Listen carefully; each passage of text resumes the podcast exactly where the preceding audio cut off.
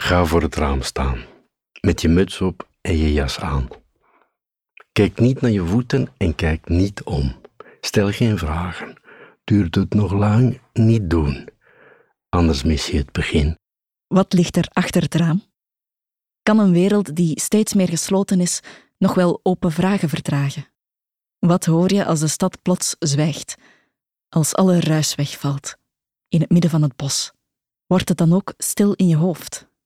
Hij schrijft zinnen als een valluiken. Ogenschijnlijk simpel, maar er gaat een diepte onder schuil die precies die zachte plek raakt. Iemand heeft mij begrepen. Halleluja. Wat is de zin van het leven? Van Bart Moejaert. Ik ben Anneleen van Offel, schrijver en ongelooflijk slecht in smalltalk. Het totale onvermogen om met de vraag hoe gaat het niet te verzanden in een SWOT-analyse van het leven bracht me al in best wat ongemakkelijke situaties. Maar hier kunnen we gelukkig de koetjes en de kalfjes op stal houden en schaamteloos naar de diepte duiken. Als een boek voorafgegaan wordt door een motto. Welke zin gaat dan in het leven van de schrijver voorop? Welkom in de zin van mijn leven.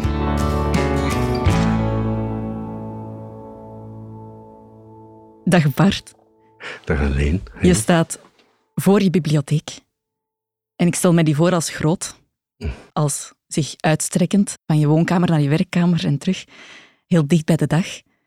En je moet een antwoord verzinnen op de vraag: wat is de zin van je leven? Dan is het eerste waaraan ik denk: ik ga niet de zin herhalen die ik gisteren heb gezegd, of vorig jaar, of uit een boek heb gehaald waarvan heel veel mensen weten dat het een, een lieveling is.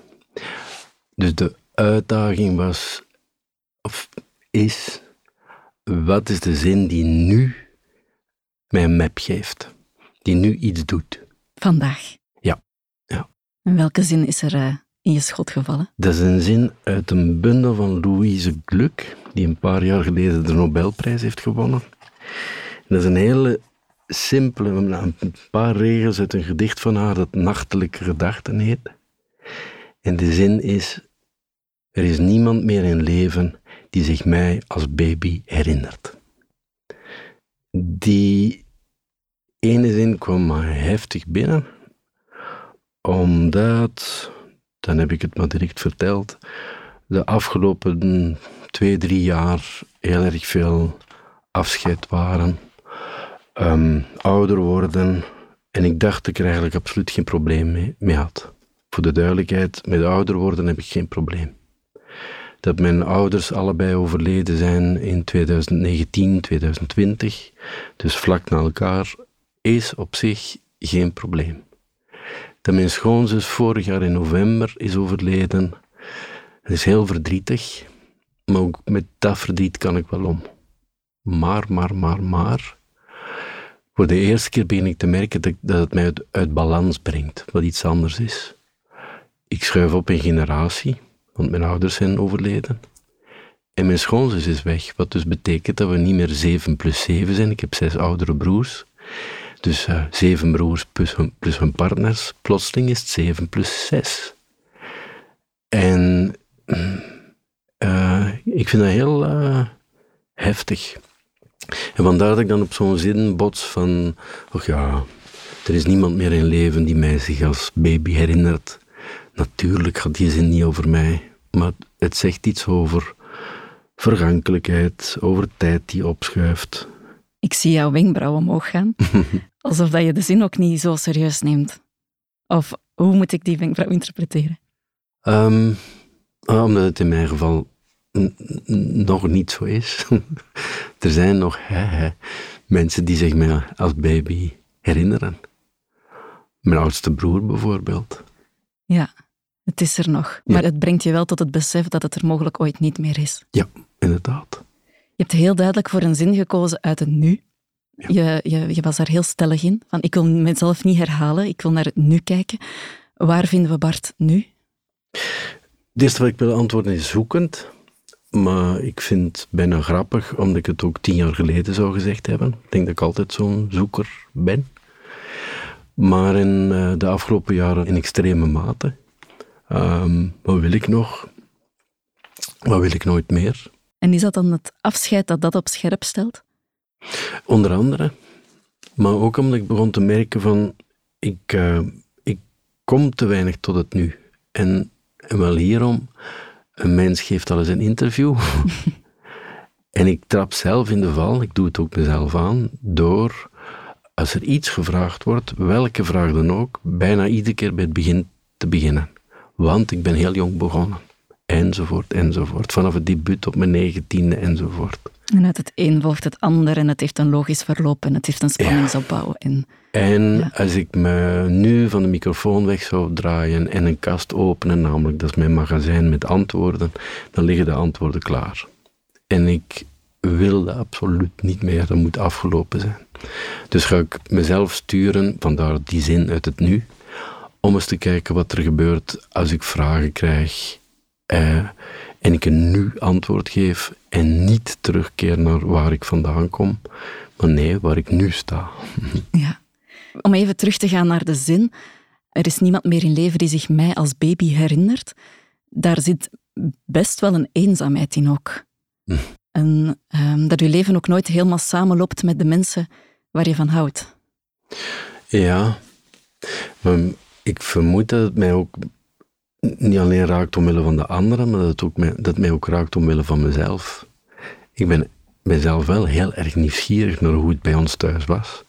Want ik hoor van zes oudere broers hoe het huis toen nog opgebouwd was. Er is een, een, een tuinkamer bijgebouwd voor ik geboren was. Er is, er is een leven geweest voor mij. En dat leven ken ik van een paar foto's. Maar bij wijze van spreken, ik weet absoluut niet hoe ik als baby was. Oh ja, er is een foto van mij in de armen van mijn moeder toen ik drie dagen oud was. Maar hoe ik was als baby of als kind. Er zijn geen verhalen over. Nauwelijks. Ik moet ze, nee, ik moet ze niet verzinnen, maar ik haal ze uit verhalen van mijn broers, de paar verhalen. En die verhalen zijn dan nog gevaarlijk om aan te nemen, omdat je ook niet weet of het uiteindelijk verhalen zijn geworden die, die worden aangedikt en, en, en groter gemaakt. Is het belangrijk voor een schrijver om het juiste verhaal over je kindertijd te horen? Ik denk niet dat het belangrijk is voor een schrijver, maar ik vind het, ik, ik vind het voor mezelf vind ik dat belangrijk. Ik wil het wel weten gewoon. Er is heel veel, heel veel wanorde over mijn verleden.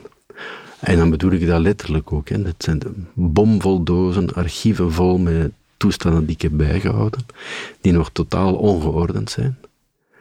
Uh, en in zekere zin irriteert me dat. En bedoel je dan dat daar misschien ergens een antwoord zit op een vraag waar je vandaag mee worstelt? Ja.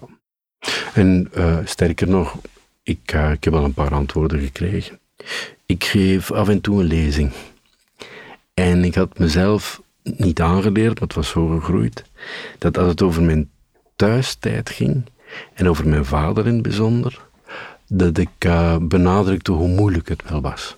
Dat hij vond ik leraar moest worden en schrijver was geen beroep. En dat is heel interessant om te vertellen. En ook heel interessant om dat ook een beetje aan te dikken. Van hoe gekweld je wel bent. Um, nu, door het openen van de dozen en het lezen, herlezen, of nee, het lezen van een aantal brieven uit mijn twintiger jaren, komt aan de oppervlakte dat mijn vader misschien geen makkelijke man was, maar mij letterlijk in brieven heeft aangemoedigd. Um, af en toe op schoolse manier mij heeft bijgestuurd, maar eigenlijk wel een soort van liefdevol was. En als je dat antwoord plotseling in je gezicht krijgt, ik kan het u verzekeren, dat is heftig, omdat je uh, hem niet meer kunt vertellen, want hij is toevallig doodgegaan. Je kunt hem niet meer vertellen van, uh, het spijt me, ik, ben, ik, heb, ik heb een beetje overdreven. Maar je moet ook je eigen geschiedenis uh, bijsturen. Dus, met andere woorden, als ik nu een lezing geef, moet ik voorkomen dat ik in de vallen van vroeger trap. En op een bepaald punt is er plotseling ook meer verleden dan dat er toekomst is? Ja waardoor die toekomst belangrijker wordt. Ja, en, en jammer genoeg ook korter. Uh, niet alleen dat ik, dat het zo ervaar dat de dag korter wordt, en dat blijkt zo te zijn als je ouder wordt, worden de dagen ook naar uw gevoel korter. Uh, het opschuiven vind ik een lastige, maar vooral, en eigenlijk is het daarom dat we bezig zijn over dit, het nu, in het nu leven, wat een mode toestand is dat als ik dat uitspreek, maar goed. Straks hebben we het wel over meditatie en zo. Hebben we toch ook, ja. He, joepie. um, maar dus, dus dat, dat nu waar ik naar op zoek ben, door te doen wat ik vind dat ik moet doen, te doen wat ik voel dat ik moet doen. Uh, en dat is, vind ik een hele lastige, omdat dat de hele onrust is die in mij omgaat. Zat daar een onevenwicht voor jou? Ja. Eigenlijk zat het er niet. Maar ik leefde door en ik deed van alles. En mijn moeder en mijn vader zijn er nog en er gebeuren fantastische dingen. Hoera. En op een bepaald moment vertragen zij, want zij vielen weg druppelsgewijs door te dementeren. En daar ga je mee om. En ik had mezelf voorgehouden van, ik ga geen spijt hebben als ze dood zijn. In de zin van, ik ga op bezoek wanneer ik voel dat ik op bezoek moet. Ik ga alles gezegd hebben wat ik vind dat ik moet zeggen. Ik ben ongelooflijk blij dat ik aanwezig was bij de dood van mijn moeder. Dat zij doodgegaan is waar ik bij was. Ik vind dat echt een voorrecht. En toch, wat je zegt, slaat het pas later toe dat je, uh, ja, dat je verleden, dat er meer verleden is. Dat ik heel vaak denk van, god, ik had ze eigenlijk nog dit willen vragen. Of... Het is echt afgesloten. Ja, ja. De deur is dicht. Ja.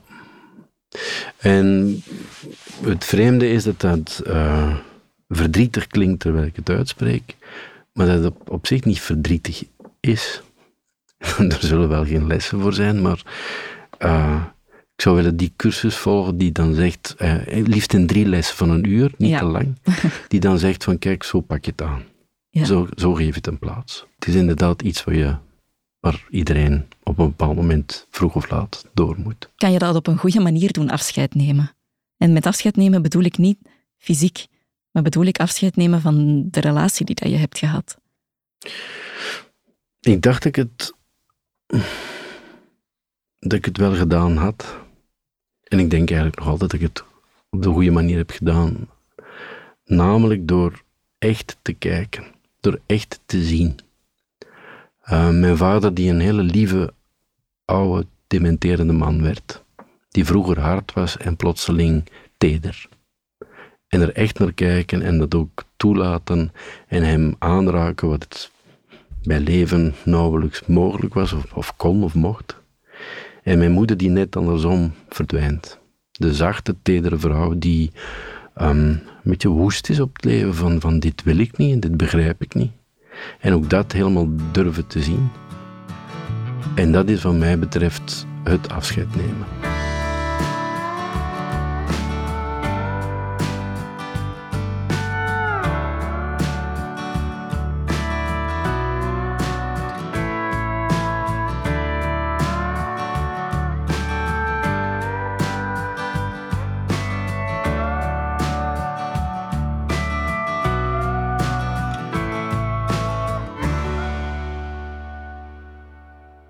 Ja, er is tijd die je zelf in handen hebt en er is tijd die jou uit handen wordt genomen. Uh, ja, hoe behoud je een, een heldere blik op, op wat er echt toe doet? Uh, dat is de cursus die ik zelf aan mezelf aan het geven ben. Mag ik zo vrij zijn om te zeggen dat ik wel vind dat je er tamelijk goed in bent? Allee, zo lijkt het toch voor mij. Je bent iemand die heel goed is in het instellen van een out-of-office voor je mailbox. Je komt uit een periode van verdwijning, waarin je aan je nieuwe boek hebt gewerkt. Dus voor de buitenwereld, voor mezelf, lijkt het wel alsof je de touwtjes redelijk strak in handen hebt. Ja, maar dat betekent niet dat je de rust vindt. Uh, ik heb wel de rust gevonden om te schrijven, maar voor je echt tot schrijven komt, heb je toch een tijd nodig om in, een, in dat bad te gaan zitten, waardoor dat het boek ja, zijn vorm begint te krijgen. Dus dat duurt. Ik vind dat moeilijk om, om te zeggen, maar ja, dan moet ik het toch maar zeggen. Sinds de prijs in Zweden, sinds de Astrid Lindgren Memorial Award, komt er ongelooflijk veel op mij af. Ja, dat is een van de grootste prijzen die je kan krijgen voor, voor kinder- en jeugdliteratuur. En dat is fantastisch dat er heel veel gebeurt, maar de keerzijde is ook dat je wel moet antwoorden op mails. En ik hoor van collega's die, die een agent of een manager onder de arm nemen en de zaken laten regelen. En ik heb er al zo vaak over nagedacht en het er al zo vaak over gehad, over gediscussieerd van dat ik het eigenlijk zou moeten doen. En ik ga het niet doen. Ik wil niet de touwtjes in handen houden, maar ik wil als mevrouw X van het goede doel mij een vraag stelt op een zo'n vriendelijke, lieve, juiste manier, dan wil ik dat kunnen doen. En de botte vraag die jou, jij, jou, jou, jou, jij, jij, en ik ken die persoon niet, en er wordt geld tegenaan gegooid, dat ik daar de kans heb om te zeggen van, nee, ik ga het niet doen. Dat is iets wat ik alleen maar zelf kan beslissen of zelf kan voelen. Dus daardoor hou ik het in handen. En de enige manier is, ik kom uit een brieventijdperk. Ik ben een oude mens die brieven schreef met een aanhef en een datum enzovoort. Dus de mails niet meer beantwoorden zoals je brieven beantwoordt. Kort, vriendelijk, drie regels. Efficiënt. Efficiënt. Dat is niet mijn favoriete manier. Klinkt wel, ja, het klinkt wel alsof dat je, je staat sowieso heel dicht bij je lezers en je, je waardeert ook heel erg die band, hè, die directe band. Mensen kunnen jou aanspreken. Ja, ja.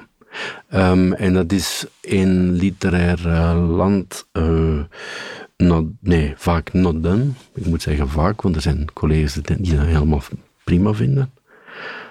Maar dat kan me absoluut niet schelen. Nee, want het is een radicale tegenovergestelde van de schrijver die in zijn huis opgesloten zit en allerlei grootse gedachten over de wereld bedenkt, maar met een gesloten deur. Klopt. Ik doe het niet om mezelf te strelen. Ik vind het geweldig dat iemand mij een cadeau geeft, maar fysiek cadeau, of mij een mail stuurt om te zeggen het enige gedicht dat, dat hen zo geraakt heeft en waarom. Ik zou totaal naast mijn schoenen lopen, moest ik zeggen van nou, flink, hartelijke dank. En de volgende. Ik ben nu te lang bezig of lang genoeg bezig om te beseffen van dit is mijn communicatie. Ik ben niet sterk in communicatie in het echte leven, uh, val ik sneller stil. Maar als ik communicatie krijg via mijn gedichten of via mijn boeken en iemand heeft mij begrepen, halleluja. Als ik jou daarover hoor praten, dan word ik ook iemand die heel erg vertrouwt op zijn gevoel en op zijn intuïtie. Dat is absoluut waar, maar voor de duidelijkheid, ook daar vind ik dat als we het over het nu hebben en uh, niet te veel nadenken over hoe het, hoe het vroeger was, vind ik dat ook een lastige. Want uh, alles lijkt sneller te gaan. Uh, wat ik daarnet uh, zeg van jou, jij, jou, jou, jou. Mensen kennen je direct terwijl ze je niet kennen. En ik ben er blijkbaar ook de ouderwets in. Dat is dan maar zo. Uh, en dus daar moet ik dan ook nog eens over nadenken. Dat ik dan het goede antwoord geef dat toch met u begint en nog eens verder gaat met u. Ja. Om duidelijk te maken van, sorry, de hele zoektocht van dat ik mezelf kon permitteren, bijna vijf weken lang, van uh, wel achter het computerscherm te zitten, te lezen.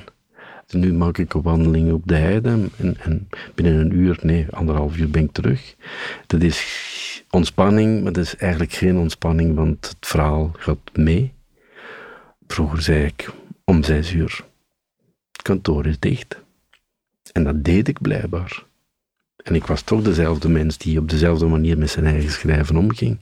Maar blijkbaar lukte me dat, of, of was er een knop die, die mezelf op mijn gedachten kon uitzetten. En als je dan zo'n dag hebt waar het niet zo is, kan je dan die, dat stemmetje van, van je moet wel productief zijn, kan je dat dan uitzetten na 40 jaar schrijverschap? Ja, je zet het wel uit, maar...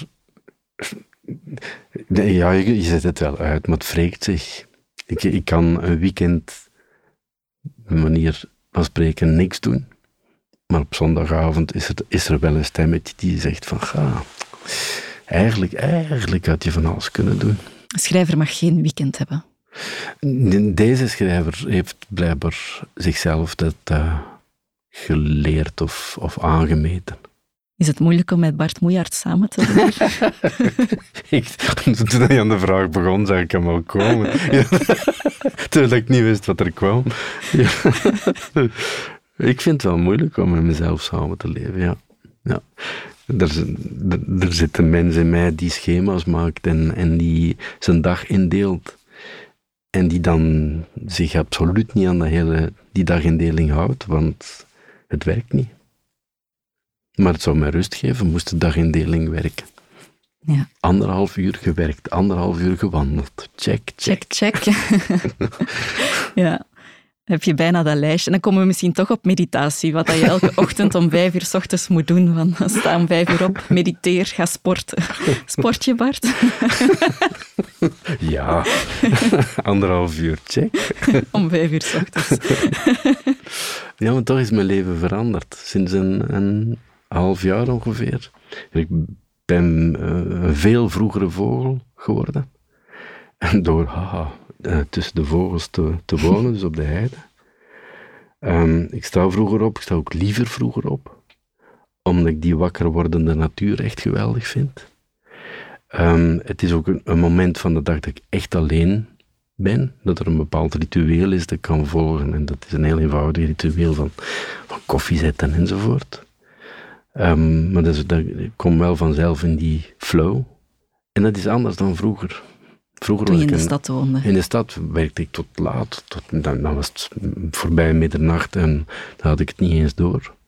Dus het is echt totaal veranderd. Ook een ritme in de stad dat volledig losstaat van het ritme van de natuur. Ik zou er moeten langer over nadenken, maar het zou kunnen dat ik in de stad het, dat ritme niet voelde, of het ritme van de natuur niet zag. Waardoor het, het appartement waar ik vroeger woonde een, een doos was die eh, op de vierde verdieping in de lucht hing en mijn plek was, met het gezoom eromheen van de stad. Terwijl ik nu een werkruimte heb die op de grond vlakbij de, de tuin bedoel ik. Ik kijk uit op een, op een stuk tuin. En ik, ik, ja, ik sta ook in contact met de natuur voortdurend. Waar had je het meeste uitzicht? Op dat appartement, de bovenste verdieping of beneden in de tuin? Ja, nu vind ik het in de tuin. Oh man, op drie, met risico dat ik eh, dat het echt op meditatie gaat uitdraaien. Eh, ik kan er echt van genieten. Er staat een, een boom voor mijn raam. Ja, meerdere bomen, maar één vlakbij. De vogels leiden mij af. De eekhoorn die vlak bij het raam komt zitten. Eh, het zijn heel kleine dingen. Het, het licht, dat, dat plotseling, dat verandert. Tuurlijk wordt het licht, maar bedoel, ik merk het op. Het is toch een ander ritme. Lijkt alsof je heel aanwezig bent. Of misschien meer aanwezig bent dan in het appartement. Eh, ik denk dat ik vroeger in het appartement wel aanwezig was, maar mezelf niet tegenkwam. En ik denk dat ik nu aanwezig ben en heel dikwijls mezelf tegenkom. Er is rust om de onrust te detecteren. Terwijl ik vroeger ontging het me, omdat ik toch de deur uit moest, of het gezoem van de stad, of de, de tram die passeerde. Bedoel, dender, dender, het gaat maar door. En nu is het... eh, is dat een stuk heftiger om. om eh, ik zeg in interviews dat het geweldig is. Het bos. Fantastisch. Ja, de rust heb ik. Natuurlijk heb ik de rust gevonden. Maar wat ik vergeet te vertellen is dat ik ook de onrust vind. Als het stil is, hoor je plots heel luid je eigen hoofd. Ja, ja, ja. En dat is wennen. Dus er wordt aan gewerkt.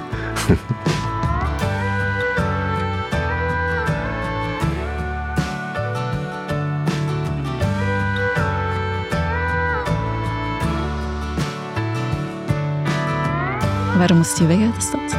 Er was geen moeten, maar er was een drang. Ten eerste woonden mijn partner en ik nog niet samen. En we hadden het er vaak over dat we na, wat was het, zes jaar echt wel mochten beginnen denken aan samen een huis hebben. Het was duidelijk dat we niet in de stad zouden blijven. Dat hij, zoals als ik, de, het verlangen had om naar de natuur te trekken. Op een bepaald moment zei Jonathan, zo heet mijn vriend, eh, we kunnen terug naar Brugge, naar je roots. Daar had ik absoluut niet bij stilgestaan, niet over nagedacht. Maar die gedachte beviel me wel. Ik hou van de zee en Brugge is vlakbij de zee.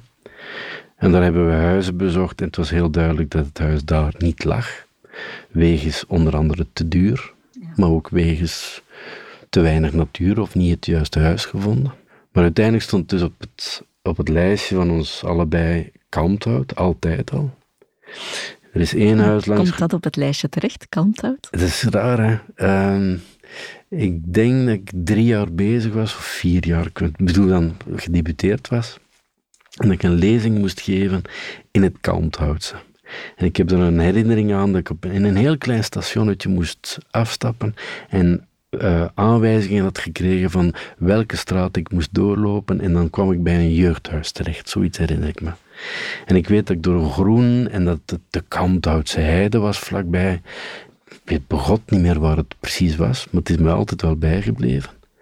En ik heb de Kalmthoutse heide, dus die plek, altijd uh, gelinkt aan, uh, dat is nog de dat is, dat, is, dat is die plek waar het, waar het echt stil kan zijn en waar de huizen staan die misschien ook in Zweden zouden kunnen staan. Ik ben vreselijk aan het overdrijven, maar een bepaald type huizen, huizen met een balkonnetje. Pippi Lankhuishuizen. Ja. En een veranda die open is. Ja, inderdaad, ja. zulke huizen.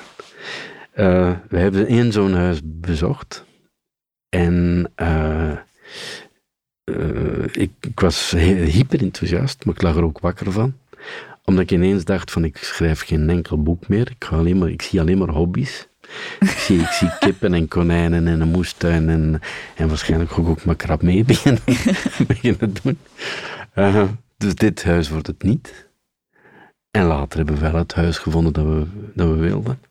Maar waarom ik uit de stad wilde, uh, weg wilde, was dat de stad echt veranderd was, is. Je moet weten dat ik in de schaduw van het Centraal Station woonde, uh, vlak bij de Keizerlei, in een buurt waar toen ik er kwam, sexshops, uh, hoktenten, het uh, ruwe leven was er. En ik vond het fantastisch dat daar één huizenblok stond, het Art Deco gebouw was, en dat er een verstild appartement was daar in de hoogte, op de vierde verdieping. In Antwerpen? In Antwerpen, ja.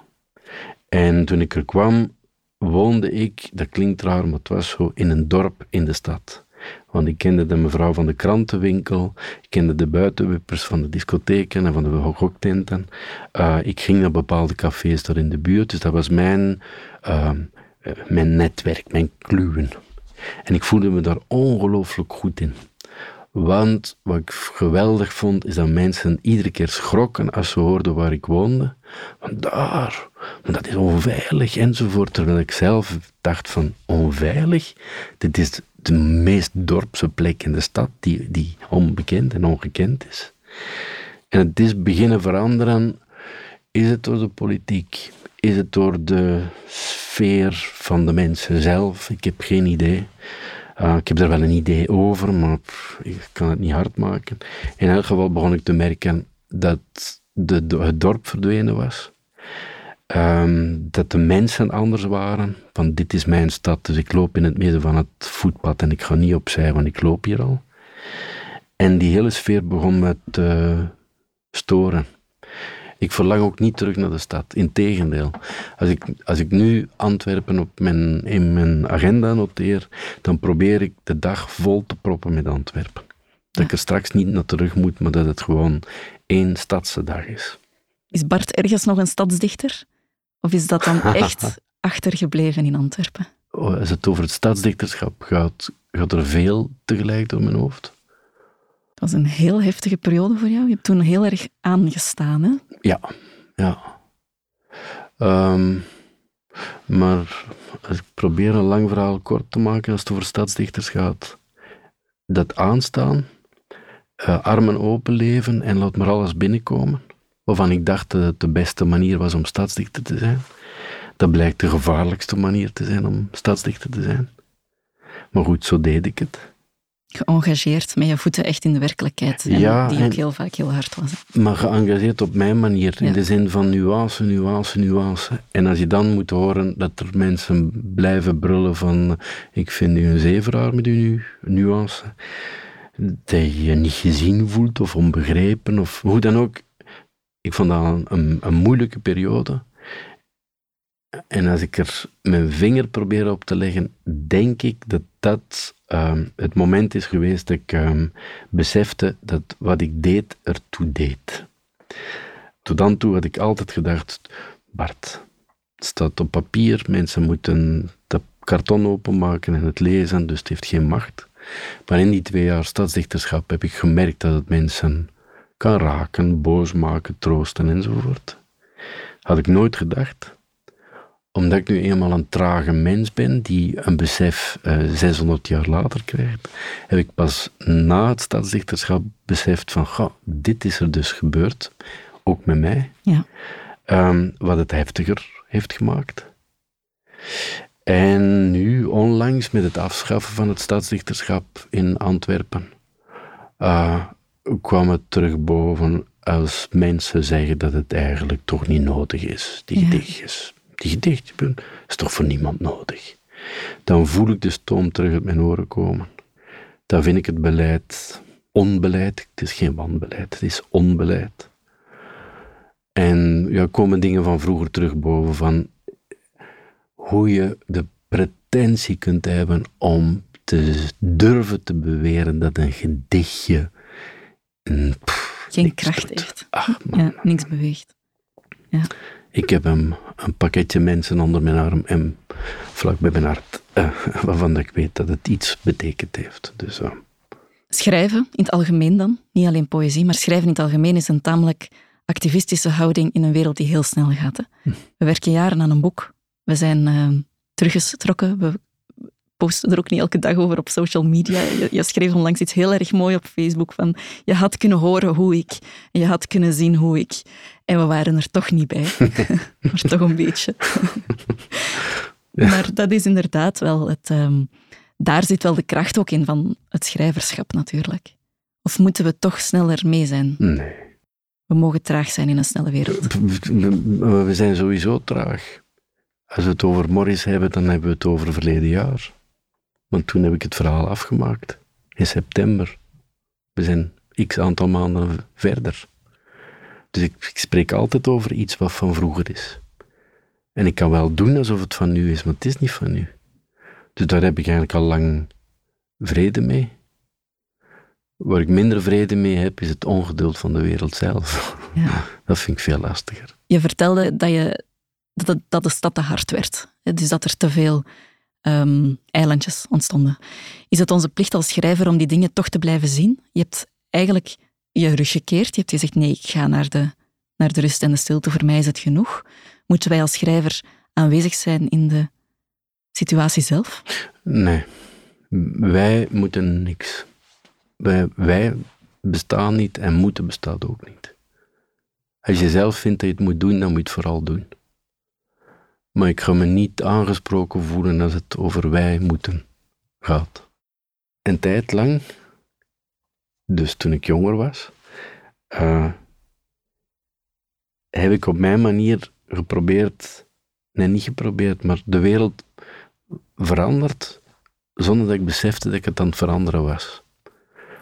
Want bijvoorbeeld in de stadsdichtersperiode schrijf je gedichten omdat je de wereld nu eens echt voelt binnenkomen en je mening op jouw genuanceerde manier probeert te formuleren. Dus als ik nu omkijk naar die stadsdichterperiode, denk ik van, goh, flink Bart, ik zou het niet meer opnieuw kunnen. Ik zou sneller denken van de mensheid. De mensheid loopt toch in zijn eigen fout, of ziet zijn eigen fout niet, of je kunt het toch niet veranderen ik vermoed dat ik veel meer dan ik dacht terugkeer naar vroeger, naar voor de stadsdichtersperiode, naar de periode van mijn vier muren en daar zit mijn kamertje en ik werk aan iets waarvan ik eigenlijk niet weet of het iets zal veranderen. En ik voel me er eigenlijk wel uh, comfortabel bij. Um, en tussen ons gezegd en gezwegen, het zal altijd wel activistisch zijn. Tuurlijk. Het zal altijd wel iemand raken of veranderen. Of, in beweging zetten. Ja, in beweging, dat is een goeie. Ja. Als, als ze het boek door de kamer gooien en dat stoort, dan is het ook beweging. Allemaal prima.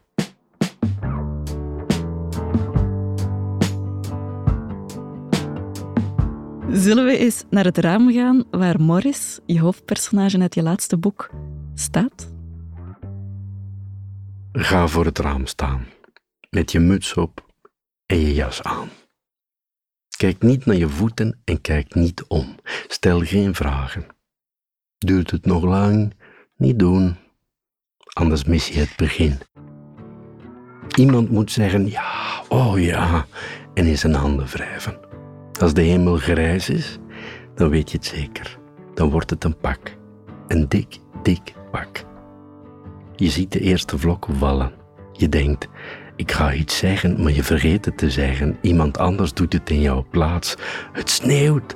Oh. Soms blijft sneeuw liggen. Dat betekent niet dat sneeuw pootjes heeft. Als sneeuw blijft liggen, moet jij naar buiten. Zodra je een sneeuwbal in je nek krijgt en daarna nog één en misschien nog een paar, dan ligt er waarschijnlijk genoeg om aan een sneeuwpop te beginnen. Je hebt een wortel nodig, een stuk of tien knopen en een emmer. Je handen worden rood van de kou. Je maakt geen sneeuwpoppetje, jij niet. Je maakt een sneeuwmens, drie keer groter dan jij. Dat is hard werken, maar ah, als de pop er dan staat. Je moet niets heuren trouwens. Daar zijn je moeder en je vader al. Hier zijn je wanten, lieveling. Straks pakken we pannenkoeken, wafels, poffertjes, omgekeerde appeltaart. We maken warme chocolademelk met kaneel en slagroom. Maar nu gaan we je eerst een knuffel geven. Kom eens hier, kom eens hier. Heb jij geluk? Echt veel geluk. Bijna net zoveel geluk als Morris.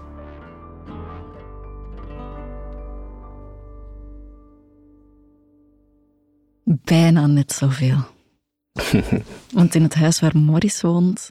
Is het echt nog veel, veel gezelliger. Ja. dat eerst niet, maar goed.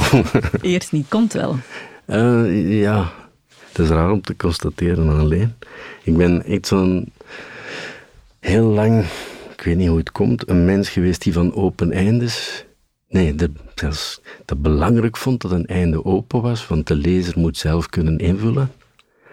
En nu overkwam het me echt dat ik bij een einde terecht kwam, dat ik alleen maar troost vond, een warmte, uh, een geluksgevoel.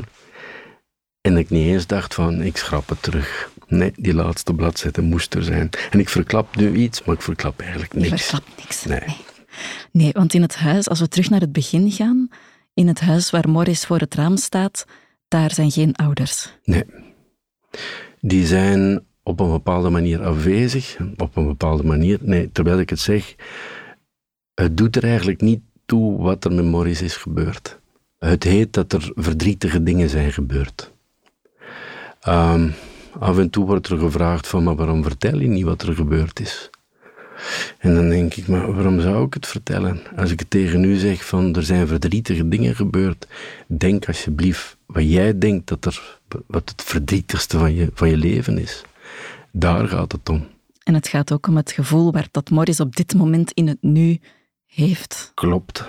En als ik er uitleg aan geef of kleur aan geef van het gaat om de moeder of de vader of wat dan ook, dan kleur ik het veel te veel in. En zijn die verdrietige dingen minder zwaar, want ze zijn uitgelegd. En zonder het te zeggen probeer ik daarmee aan te geven in het boek. Het is één zinnetje van niks, dus eigenlijk gaat het daar niet over. Eigenlijk gaat het niet om dat ene zinnetje. Het gaat om de toestand waarin dat hij zit, zijn grootmoeder, en dat hij op dit moment geen kant op kan. Maurice is natuurlijk het boek dat hoogst in uw hart zit op dit moment. Hè? Ik heb het geluk gehad om Caroline Pauwels een paar keer te ontmoeten. Eén keer in een dubbel interview voor de krant en daarna een, paar keer persoonlijk.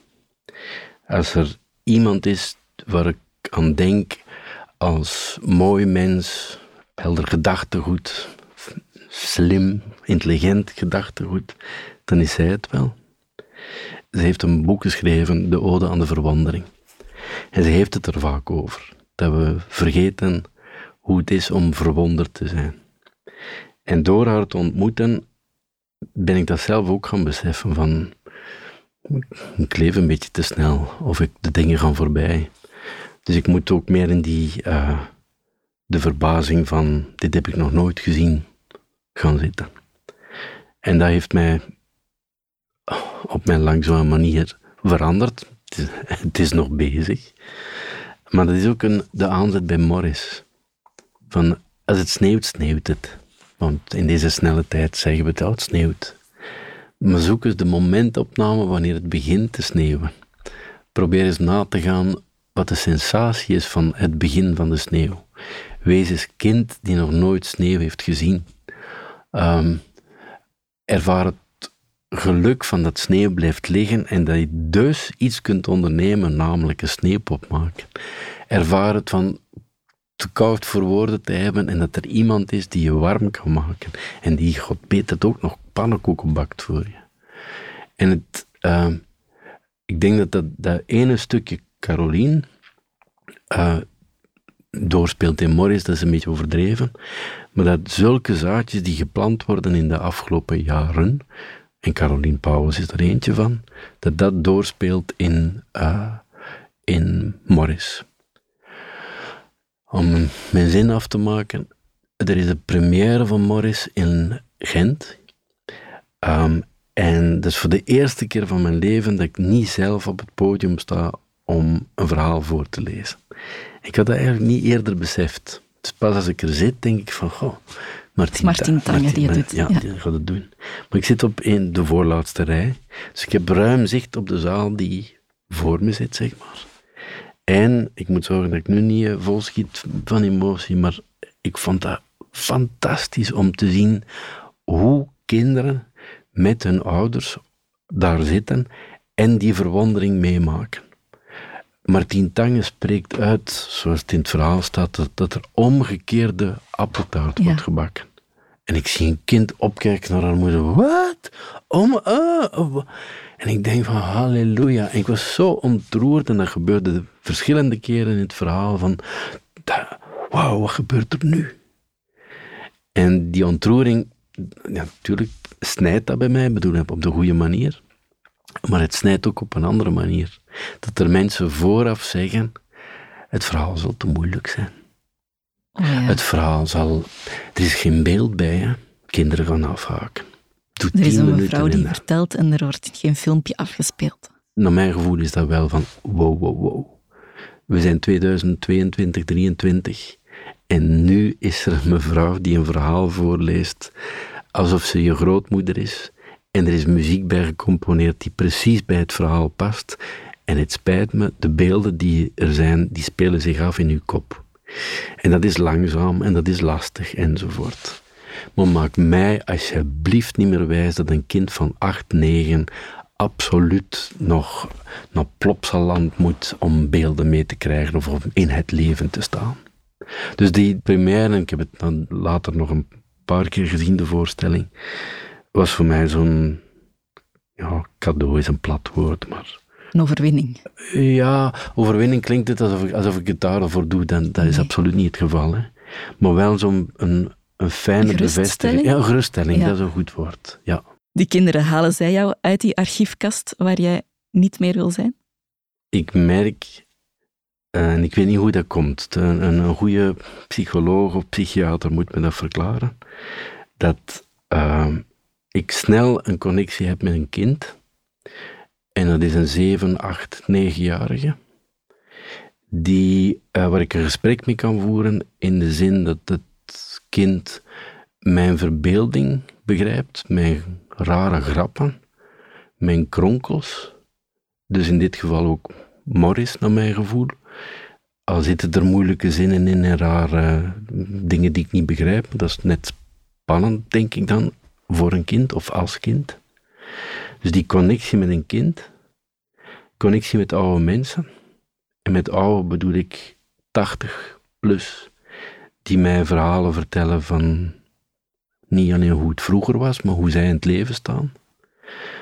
Toeval is, is dat de plek waar ik nu woon, onze buren zijn ongeveer 80 gemiddeld.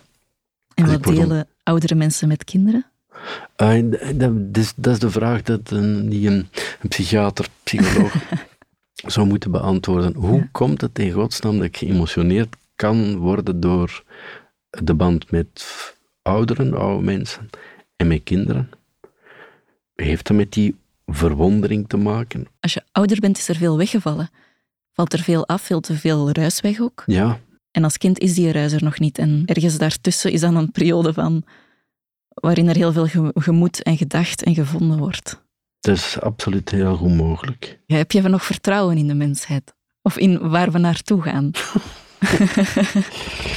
wow, aan, aan, de kop van, jou, van jouw nieuwsbrief staat heel mooi voor we met z'n allen uit elkaar vallen. Ja. Zijn we daar naar op weg? Ik vrees het. Ik wil echt positief eindigen als dit het einde is.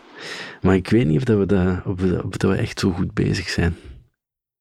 Ik ben een beetje bang. Ik hou een beetje mijn hart vast. Nee, ik hou mijn hart vast, zelfs niet een beetje. Uh, omdat we te veel, naar mijn gevoel, ons, onze vierkante meter beschermen. En het lijf dat we hebben en het gedachtegoed dat we hebben. En het eerste wat we vinden, vinden we en blijven we ook vinden. Wat ik heel uh, moeilijk en bedreigend vind. Maar goed. Uh, wat moeten we doen?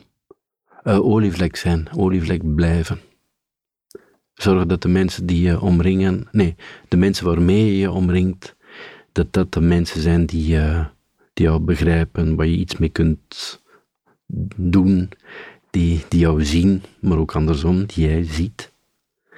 En als we met z'n allen olievlekken zijn, dan, uh, dan stroomt de wereld door. Heel veel milieuverontreiniging. Verontreiniging, het komt wel goed.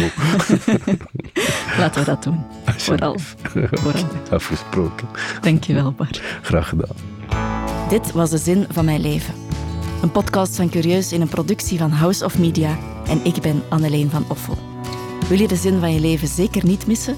Volg ons dan op Spotify of op je favoriete podcastkanaal. Daar kan je ook een review achterlaten of tip ons aan je vrienden.